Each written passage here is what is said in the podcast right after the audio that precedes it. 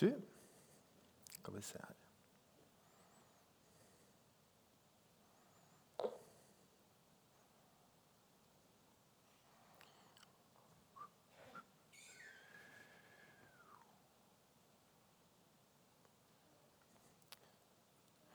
Jeg eh, har vært med på tre fødsler. Tenk på det. Ikke verst. Um, altså fire hvis jeg inkluderer min egen, da. Men det har vi jo alle. Um, det var Samuel. Han ble født i 2007. Benjamin han ble født i 2010. Og så har vi en prinsesse som nå er blitt stor, som heter Miriam. Hun ble født i 2015. Det, en, det, er en voldsom opplevelse å være med på en fødsel. Eh, og spesielt for min kone, selvfølgelig. Jeg kunne jo sagt spes veldig spesielt voldsomt for meg. liksom. Men det, jeg husker jeg var så stolt av Maria, hun jeg er gift med. Eh, og Første gangen så visste jeg ikke helt hva jeg gikk til. Jeg hadde aldri bytta en bleie i hele mitt liv.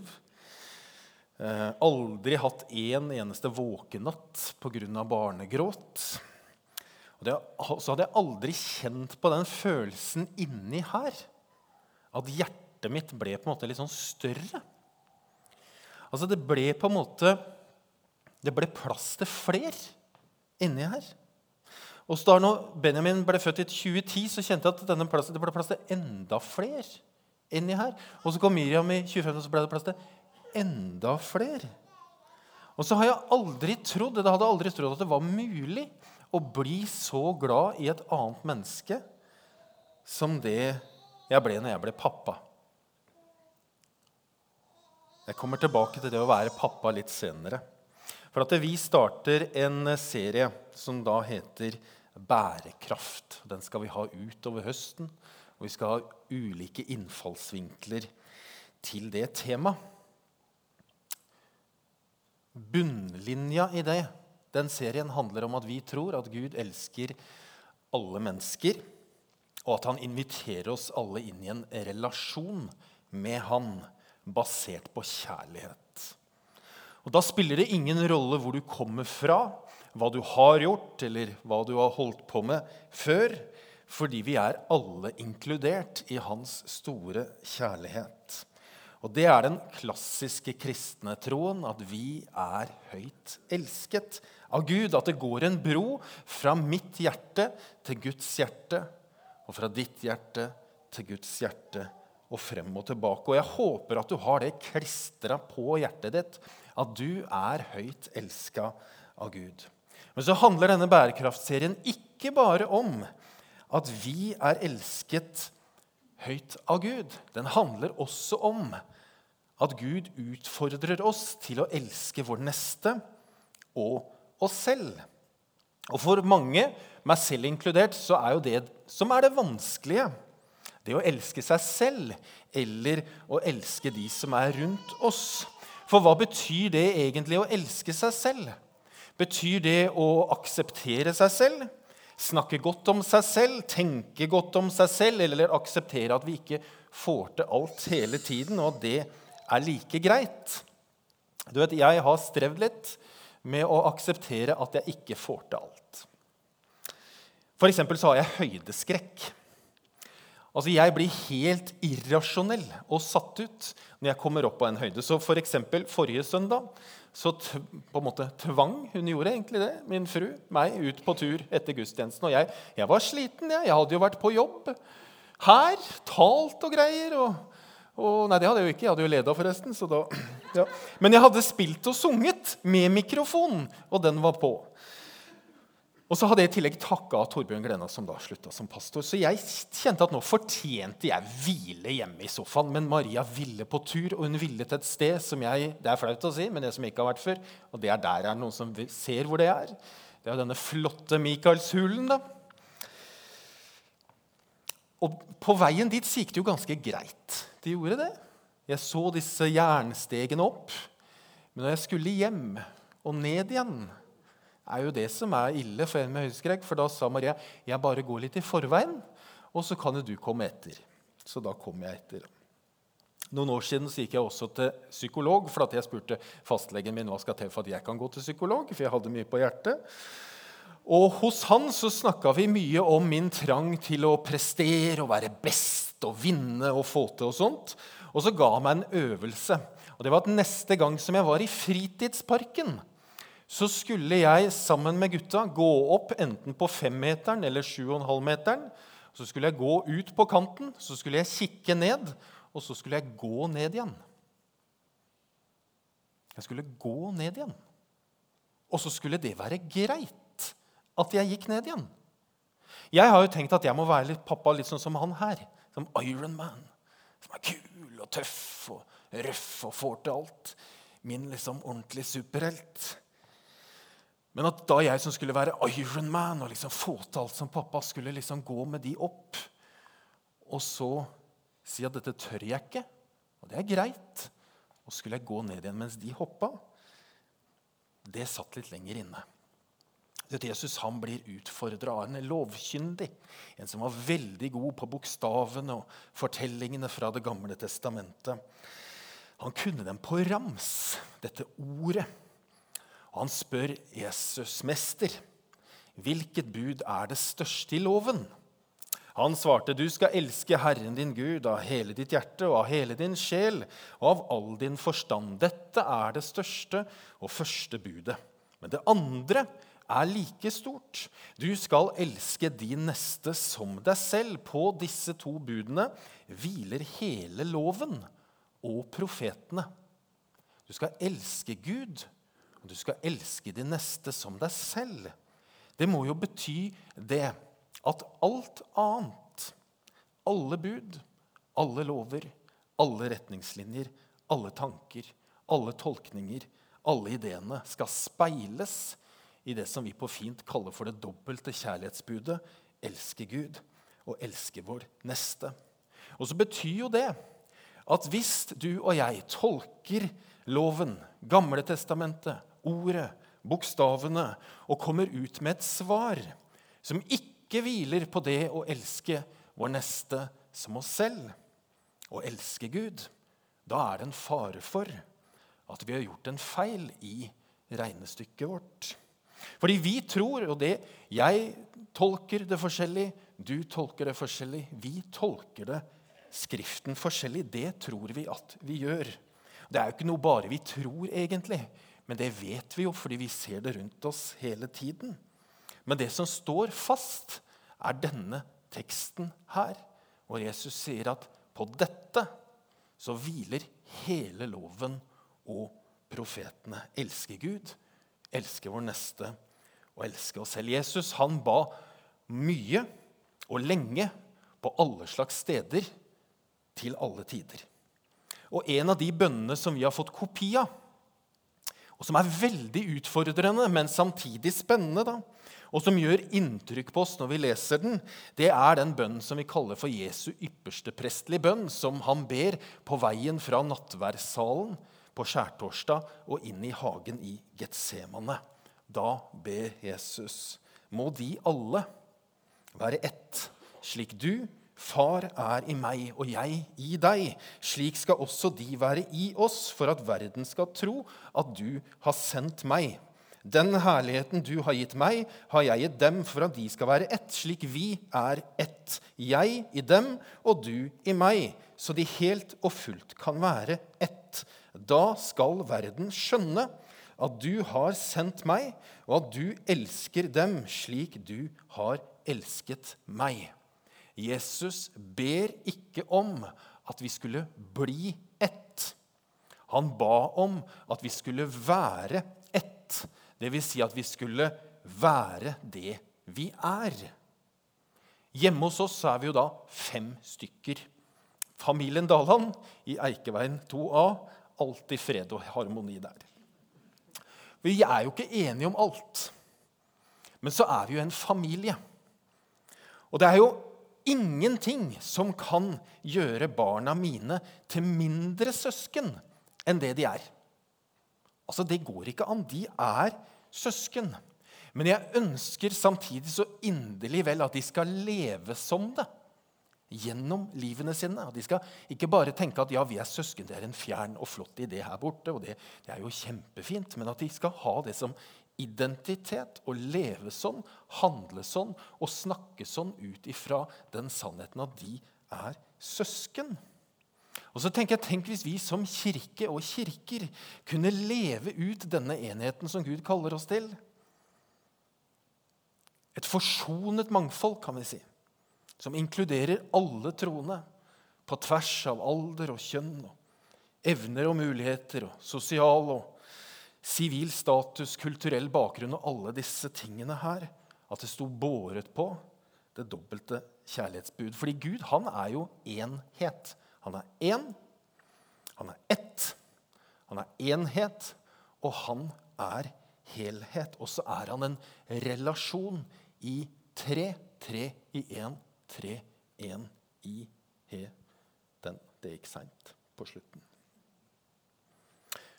Og denne enheten som Gud er, og som vi er en del av, det er mangfold. Det er mange farger, mye kreativitet, det er mye forskjellighet. Og allikevel så er det én helhet.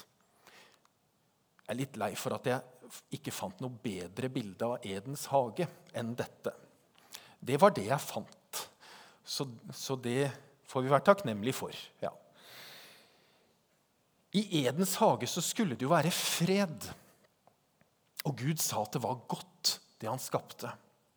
Men så kom diabolos, splitteren, den som deler i to, anklageren, anmelderen, baktaleren, han som fører folk fra hverandre og bort fra Gud.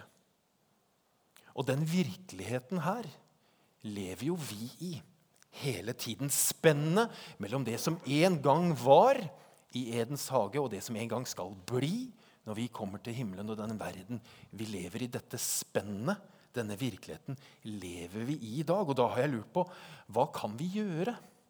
Hva skal vi gjøre? Hva, hva slags muligheter er det? Hvordan kan vi hjelpe hverandre som lever midt i denne splittelsen, til å få en tro som bærer? Og Det er her jeg kommer tilbake til det med fødsel og foreldreskap og at vi er fedre og mødre. Skien misjonskirke det er jo her, sett utenfra. Det er Norges eldste frimenighet. Vi ble dannet i 1856, og det var her en prest som het Lammers starta Lammers eh, ja, nå husker jeg ikke helt hva det heter, men Vi kaller det Lammersbevegelsen. Og så Etter hvert så kom en evangelist fra Sverige som heter Fredrik Fransson, og så ble Det norske misjonsforbund dannet. Og så har jeg tenkt tenk på alle de åndelige barna som er født i og ut ifra denne kirken her.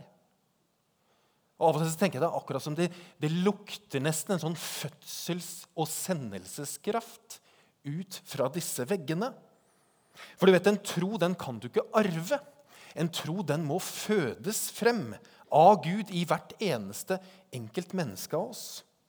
Og Når denne fødselen skjer, når det fødes frem nye åndelige barn, så skapes det en ny identitet som er bygd på Jesu ord om å elske vår neste, elske oss selv og elske Gud. Og På tirsdag så satt jeg i samtale med en liten gruppe med unge folk. Og Der var det en ung jente som sa at 'jeg har valgt å tro'. Jeg velger å tro. Det er en rasjonell beslutning jeg har tatt, som har dyp identitet i meg. At uansett hva jeg møter i livet, så vet jeg at Gud elsker meg. Det er et valg jeg har tatt. Det er rasjonelt. Fordi tro handler jo ikke om følelser, selv om følelser er viktig og fint. Men følelsene, de, i hvert fall minnet, de svinger og går opp og ned hele tiden. Og begrepene det å elske og kjærlighet og så videre, det er jo veldig sånne svevende ord. Men vi velger å tro. Vi velger å vende det andre kinnet til. Vi velger det gode. Vi velger å sette andre først. Vi velger å holde fast på troen. Og så har jeg tenkt at det er veldig fort gjort å ta vår egen vellykkethet som et tegn på Guds velsignelse over vårt liv. At vi tar det gode som skjer i livene våre, som inntekt for at Gud gjør noe helt spesielt i livene våre. Hva vi får til.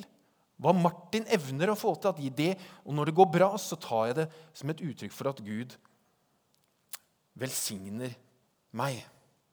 Og det gjør han jo. Men det er ikke vår reelle, det er ikke min reelle svakhet som er min største trussel mot mitt trosliv. Det er min innbilte styrke. Og Derfor kaller Gud deg og meg til å leve åpne liv, sånn at livene våre kan ha bærekraft. Det er det som gir bærekraft over tid. Jeg har lyst til å utfordre deg som er ung eller gammel, ny eller rutinert i SMK, til én ting.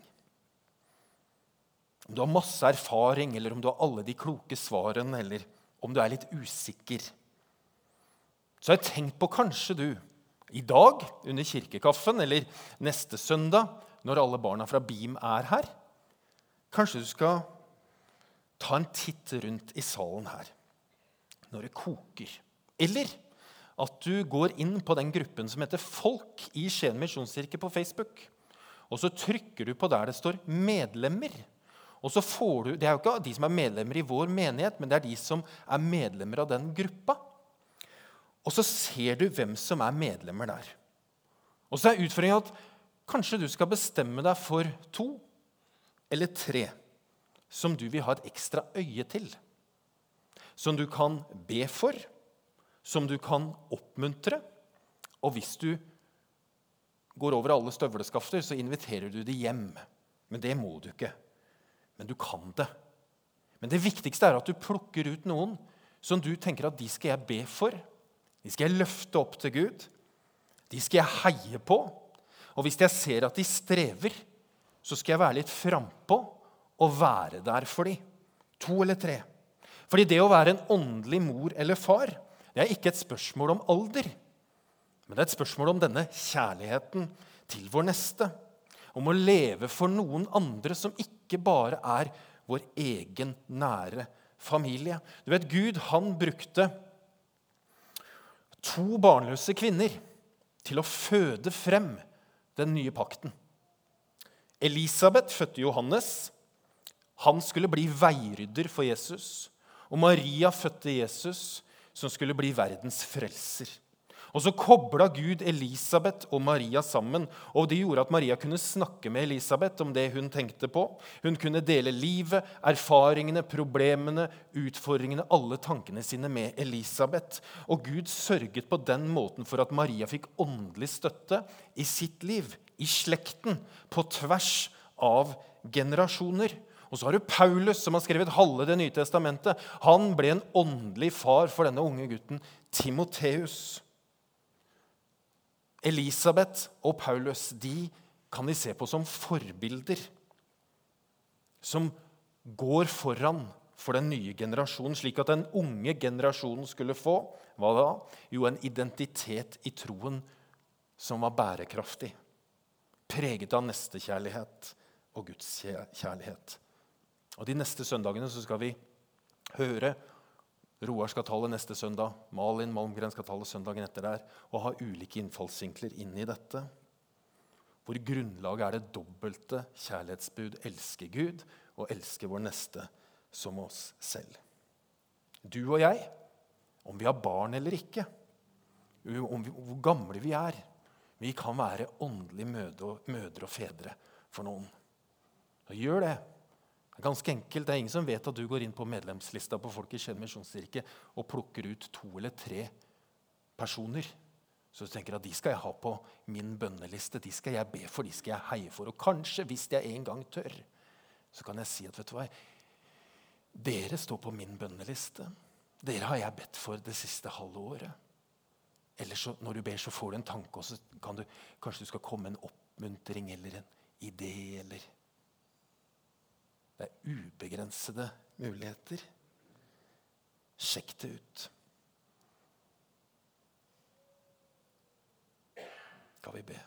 Far i himmelen, gode Gud, takk for din nåde. Takk for dine gode gaver imot oss.